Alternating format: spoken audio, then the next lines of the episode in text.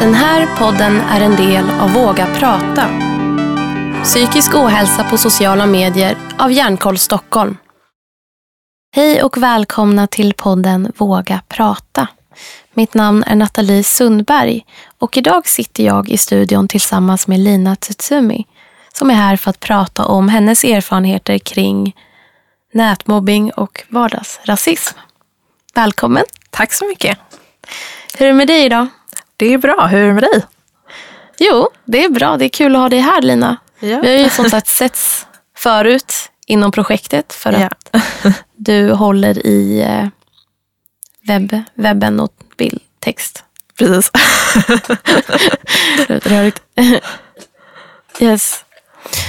För du håller i webb och text inom projektet Våga prata. Precis. Jag är webbredaktör då på Våga prata. Och som du sa så håller jag i texten och eh, lite i bilderna, men ja, främst hela webben. Liksom. Så Mm.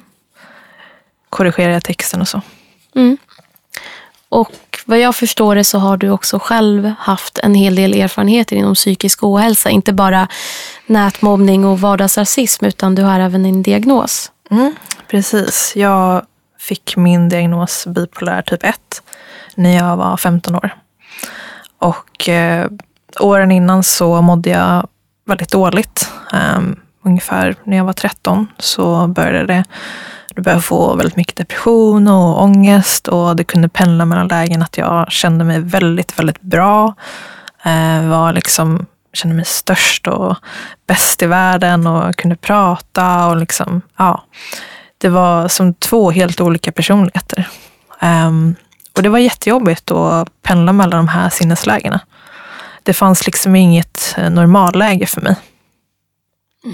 Och det här började då när du var 13 år gammal. Precis. Men sen när jag var 15 så bröt det ut då i samband med att jag vart eh, mobbad i skolan. Mm.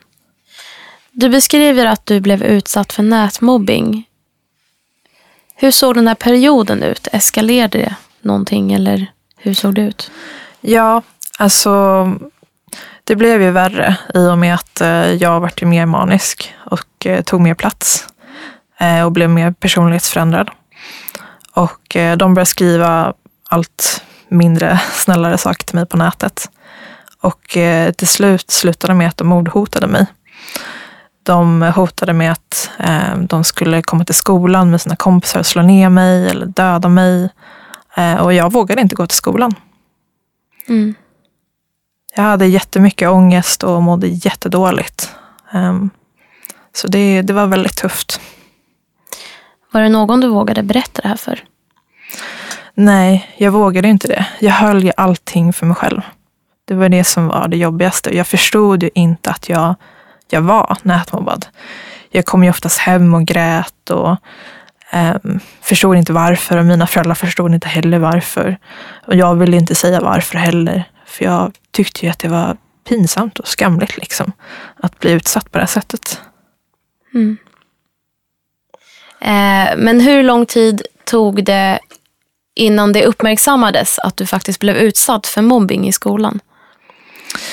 Ja, alltså det tog nog ganska lång tid. Jag tror inte jag insåg det själv heller när jag väl hade varit på behandlingshemmet, utan det kom nog efteråt. Vilket var ju väldigt tråkigt att det liksom inte, det tog, ingen tog tag i det liksom, eller såg det. Um, så att jag gick runt och trodde att det var någonting fel på mig. Uh, och att det var liksom normalt att känna så här. Att jag kom hem liksom och jag var jätteledsen oftast när jag kom hem och grät och sådär. Mina föräldrar förstod inte varför och inte jag själv heller. Mm. Ehm. Mm. Du har beskrivit också tidigare att du har blivit utsatt för vardagsrasism. Mm. Kan du berätta lite mer kring det? Ja, ehm, jag har ju sedan jag var liten så har jag också blivit liksom, jag har alltid känt att jag varit liksom lite utanför eh, på ett sätt. Och lite udda. Dels för min personlighet men också för att eh, jag såg ut som jag gjorde. Jag var inte liksom, jag var inte blond och blåögd. Eh, och eh, jag såg väl inte ut som alla andra barnen. Ehm, Och det påpekades väldigt mycket. Liksom, eh, barnen sa ju ofta så här tjing tjong och guling och du vet den här mamma Mm. kines, pappa kines. Och så här. Men för att förtydliga det hela, du, har du då föräldrar som är från Asien? Mm, precis, min mamma är från Japan. Mm. Hur, hur, hur tog du dig ställning till när andra sa sådana här saker till dig? Just då så tog jag inte åt mig så mycket utan jag tog det mer som ett skämt. Eh, och det är väl liksom så man fortfarande gör eh, kring asiater och eh, rasism. Så. Det är ju mycket mer accepterat. Eh, och det tycker jag är väldigt tråkigt att det är så. Eh, jag insåg ju själv sen kanske bara några år tillbaka att jag faktiskt blev utsatt för vardagsrasism. Och eh, nu när jag är vuxen så är det ju liksom, då är det ju mycket mer på ett annat sätt. Då blir det mer som att de, ja men, att det blir mer sexuellt, att de frågar så här, väldigt, ja, väldigt intima saker Mm och skämtar om det. Även skämtar om mitt namn också, vilket är ju väldigt ironiskt när de skämtar så här om typ, ja men istället för att säga tsutsumi så säger de tsunami. Eh, och det tycker jag är lite, alltså det, det är väldigt ironiskt med tanke på att jag faktiskt förlorat två personer i tsunamikatastrofen. Så det kan ju bli lite, Ja, det kan ju bli jättefel. ja. Mm. Ja, alltså. Jag tänker har... För du beskriver att du har en diagnos och det har ju gett upphov till, till den psykiska ohälsa som du har upplevt. Men också av den delen med mobbingen och rasismen. Har det påverkat din psykiska ohälsa idag? Alltså inte så mycket, men jag har ju alltid känt något slags utanförskap. Ehm, det, det är en fördel att ha Ehm, att vara liksom hälften svensk, hälften från ett annat land. Ehm, för man får ju så mycket av det. Men det är också en nackdel för att jag känner aldrig liksom något riktigt sammanhang någonstans. Jag känner mig alltid oftast eh, mer udda än alla andra, tänker på ett annat sätt eh, kanske är på ett annat sätt. Så att, eh, det är väl med det, att jag inte känt något sammanhang kanske. Mm.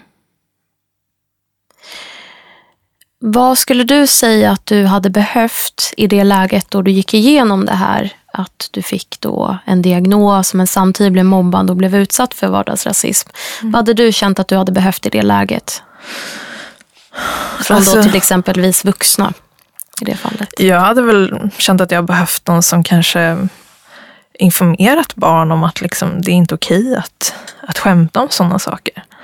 Ehm, det tycker jag är väldigt dåligt i skolan, att man inte tar upp det. Eh, just för att det är inte okej liksom, att skämta Mm. om sådana saker. Nej, det kan ju vara rätt så här oskuldsfullt från den som säger det men sen Ja. i slutändan så blir det ganska illa ändå för den som tar emot det. Eh, men jag tänker om det är någon som nu känner igen sig i det du beskriver, vad skulle din rekommendation då vara till den personen? Jag tycker framför allt att man ska ju försvara sig själv. Eh, men också kanske inte på ett passivt aggressivt sätt utan liksom förklara att det är inte okej helt enkelt. Ehm, det tror jag är det bästa. Mm. Och jag tänker nu, alltså i vanliga fall så är det ju ganska svårt att säga ifrån till personer som mobbar. Men om det nu inte skulle fungera, vad skulle nästa steg i så fall vara? Ja, jag tror att alltså det, ja, det är jättesvårt att svara på. Det är en komplex situation. Ja, alltså jag tror framför allt att, som jag sa tidigare, att vi borde gå ut mer i skolorna, sprida kunskap om det. Mm. Det tror jag är det viktigaste. Mm. För jag tror liksom folk inte förstår eller har någon kunskap om det. Tror att det är liksom, bara för att alla andra gör det så är det liksom okej. Eller liksom, ja men som sagt att man inte har någon kunskap om att det liksom inte är okej att säga så. Mm. I skolan då, när du gick igenom det här, eh, var det någon som tog initiativet till att ja, men du kanske behövde prata med någon, eh, kanske skolkuratorn, när man då märker att det blir en sån här skillnad? Nej, alltså jag gick i en skola också som var internationell. Eh, Så jag hade ju många klasskamrater som också var precis som jag, typ hälften svensk, hälften från ett annat land. Eh, Så jag hade inte riktigt det. Utan jag tror bara att det är just det där kring as- asiater så är det liksom mer accepterat att skämta om det. Mm. Medan för andra länder så kanske inte det är samma sak. Du beskriver att du har blivit nätmobbad. Eh, vill du gå in lite mer på hur det kunde se ut? Ja, ehm, alltså då var det ju någonting som hette Lunarstorm och Playahead. Of course, den Ja. känner man igen. Det var väldigt länge sedan. Men ehm, det var, jag hade ett konto där. Och eh, det var ju mest där som de skrev meddelanden till mig. Eh, de kunde skriva, jag ska inte gå in på exakt vad de kunde skriva, men väldigt, väldigt elaka saker som tryckte ner mig helt enkelt. De tyckte väl att jag inte borde vara någon eller liksom, ja, sådana saker. Och det här kunde du bara spontant få under dagarna när du kom hem och sådär eller? Ja, precis. Och det var jättejobbigt för mig att gå till skolan sen efteråt. För jag visste ju inte vad som skulle hända. Om de skulle om de skulle bråka med mig på rasterna eller om det bara liksom skulle bara vara liksom. Mm. Ehm, och det där eskalerade ju eh, väldigt mycket. Eh, så pass att de mordhotade mig och jag kunde inte gå till skolan längre. De sa att de skulle ja, döda mig om jag kom till skolan eller slå ner mig, liksom hämta sina kompisar och sådär. Så att jag vågade inte gå till skolan sen. Mm. Var det här något du sa till någon? Nej, det gjorde jag inte. För att alltså, jag förstod ju inte att jag var mobbad. Det var ju det som var grejen. Eh, det låter ju väldigt absurt liksom alltihop att jag inte förstod någonting. Men det var ju så väldigt nytt då, eh, just det här med nätmobbning. Så jag förstod ju liksom inte att jag var mobbad. Eh, och jag försvarade bara mig själv. Ehm, så att, ja. Mm. Under hur lång tid pågick det här? Det pågick... eh, Alltså jag var väl mobbad i ett år ungefär. Men det eskalerade ju som mest kanske sista halvåret. Ungefär. Hur, hur gammal var du då? Jag var 15 år. Men det här tog ju slut efter ett tag. Kan du berätta lite mer vad som hände? Men- Avslutade du Playahead eller var det att du... Nej, jag blev ju som sagt, eh, jag blev så pass sjuk så att ehm, eh, jag orkade inte gå till skolan eh, och var ju så pass manisk så att eh, jag åkte in på behandlingshemmet. Och det är ju där som det slutade, för att jag hoppade av skolan. Men det tråkiga ju var ju att jag fick en massa rykten sen om att jag liksom hade bara hoppat av och inte sagt någonting till någon. Liksom. Och det är också väldigt trist att man inte kanske i sådana lägen får försvara sig själv. Ja, Det är ganska utsatt läge när man hamnar eh, på behandlingshem och sådär. Mm, Eh, absolut. Jag tänker kring det här med dina föräldrar. Eh, För det kan ju vara svårt för föräldrar att se när de blir mobbade, när man stänger ut dem. Finns det någonting som du skulle kunna rekommendera till de föräldrar som har ungdomar som stänger ut dem? Finns det några tecken man kan se eh, som, som eh, visar då att man blir utsatt för någonting i skolan? Ja, framförallt eh, att eh, man inte vill gå till skolan. Det är ju första tecknet. Och att man mår dåligt av att gå till skolan. Jag sjukanmälde mig ofta och hade ont i magen och sådana saker. Och hade mycket ångest framförallt. Ehm, men sen tror jag också, som jag gjorde, jag hade ju väldigt problem med lunchrasterna och gymnastiken. Det var de värsta eh, tiderna. Liksom. Eh, just för att lunchrasten var ju det var jobbigt för mig att liksom inte kunna hitta min plats liksom i matsalen och så. Så då gick jag oftast hem och åt lunch. Men det är också svårt för föräldrar som kanske jobbar. De kanske inte ser det om de är på jobbet. Eh, men i mitt fall var det så att jag gick hem ibland och åt på rasterna. Mm. Hade du någon i din klass som du kunde få stöd av? Nej, inte från klassen. däremot hade jag parallellklasser som jag tror misstänkte att det var ju någonting. Mm. Och som jag kunde prata med. Mm. Men det var ingen där som, som tog initiativet till att prata med någon vuxen? Nej, alltså jag tror att det är liksom, just då var det ju väldigt svårt. För att nätbombing var ju så nytt. Jag tror inte liksom de förstod heller riktigt vad som pågick.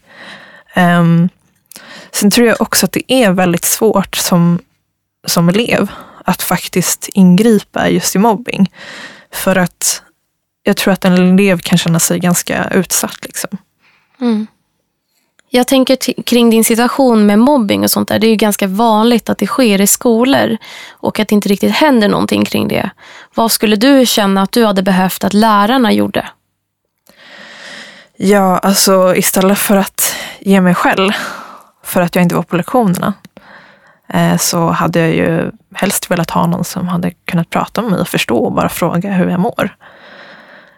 Jag tror att många lärare förstår ju inte att man faktiskt, alltså om man börjar skolka och inte kommer till lektionerna och kommer för sent och ändrar beteende, att det, det är ju ett tecken på att man faktiskt mår dåligt.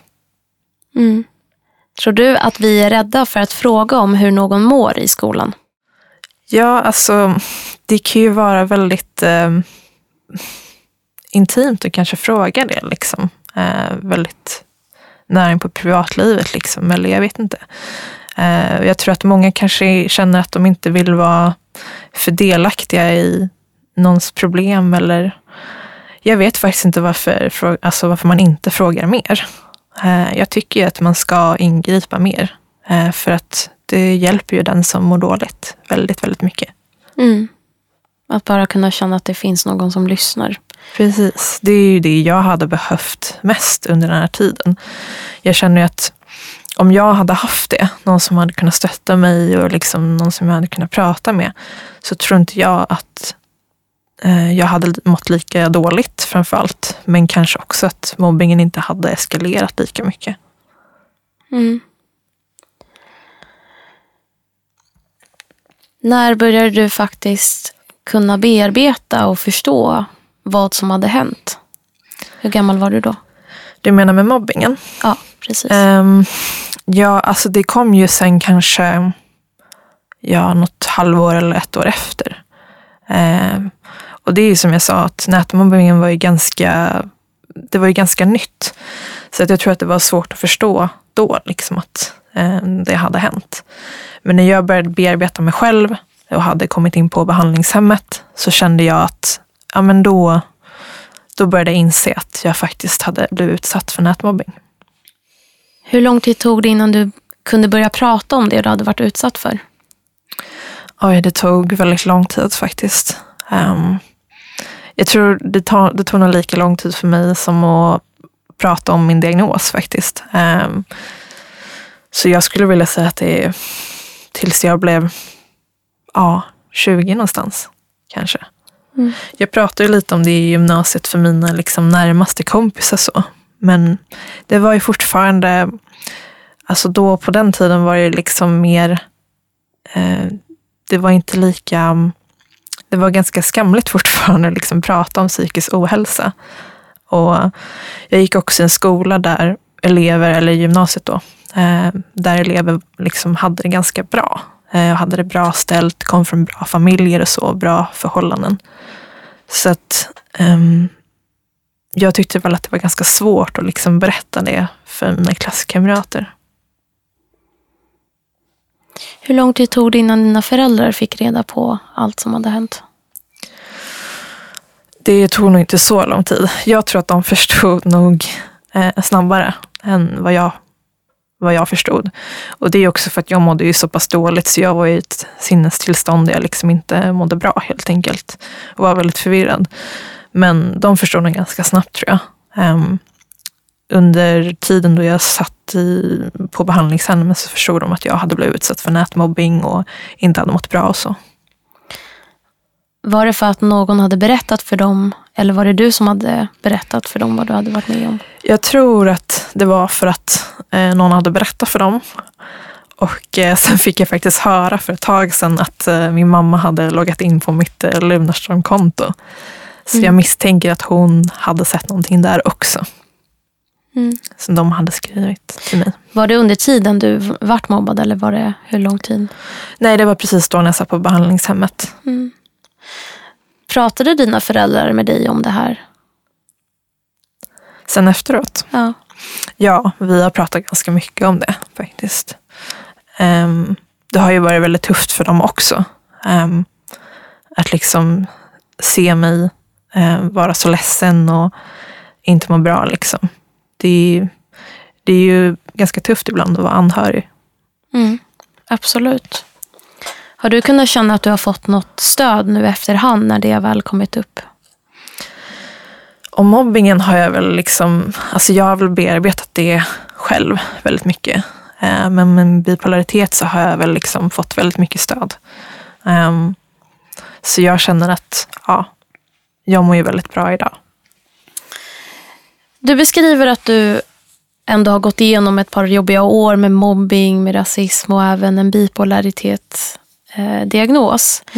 Men har du något specifikt minne på när det började vända för dig och bli bättre? Alltså åren efter gymnasiet så har ju allting varit väldigt upp och ner så liksom. Ehm, det är ju så när man lever med en bipolaritet att allting går ju liksom i vågor precis som livet gör också. Ehm, men jag skulle vilja säga att någonstans när jag fyller 23 så började jag liksom, då började jag hitta mig själv mer och ja, det var lättare på något sätt att liksom ja, men hitta sin integritet och tacka nej till saker som man mår dåligt av. Och, ja. Mm. Har du då också under den här tiden kunnat lära känna dig lära känna dig in i, i den diagnos du har? Att kunna se symptom på olika skov som är på väg? ja, absolut. Det kan jag göra nu idag. Så att jag, det är därför jag liksom aldrig mår riktigt så här jättedåligt. För att jag är bra på att hantera innan det liksom bryter ut. Mm. Jag är också lite nyfiken på hur du hanterar personer som kanske uttrycker sig rasistiskt idag. Eller om det är någon som har någon kommentar. Ja, alltså det där är så svårt. I, man får liksom avgöra lite situationen när man ser personen, liksom vad det är för person. Ehm, ja. Så jag skulle vilja säga, alltså normalt sett så brukar jag ju säga till. Men sen i vissa lägen så känner jag bara att jag orkar inte ta fighten och liksom bryr mig inte.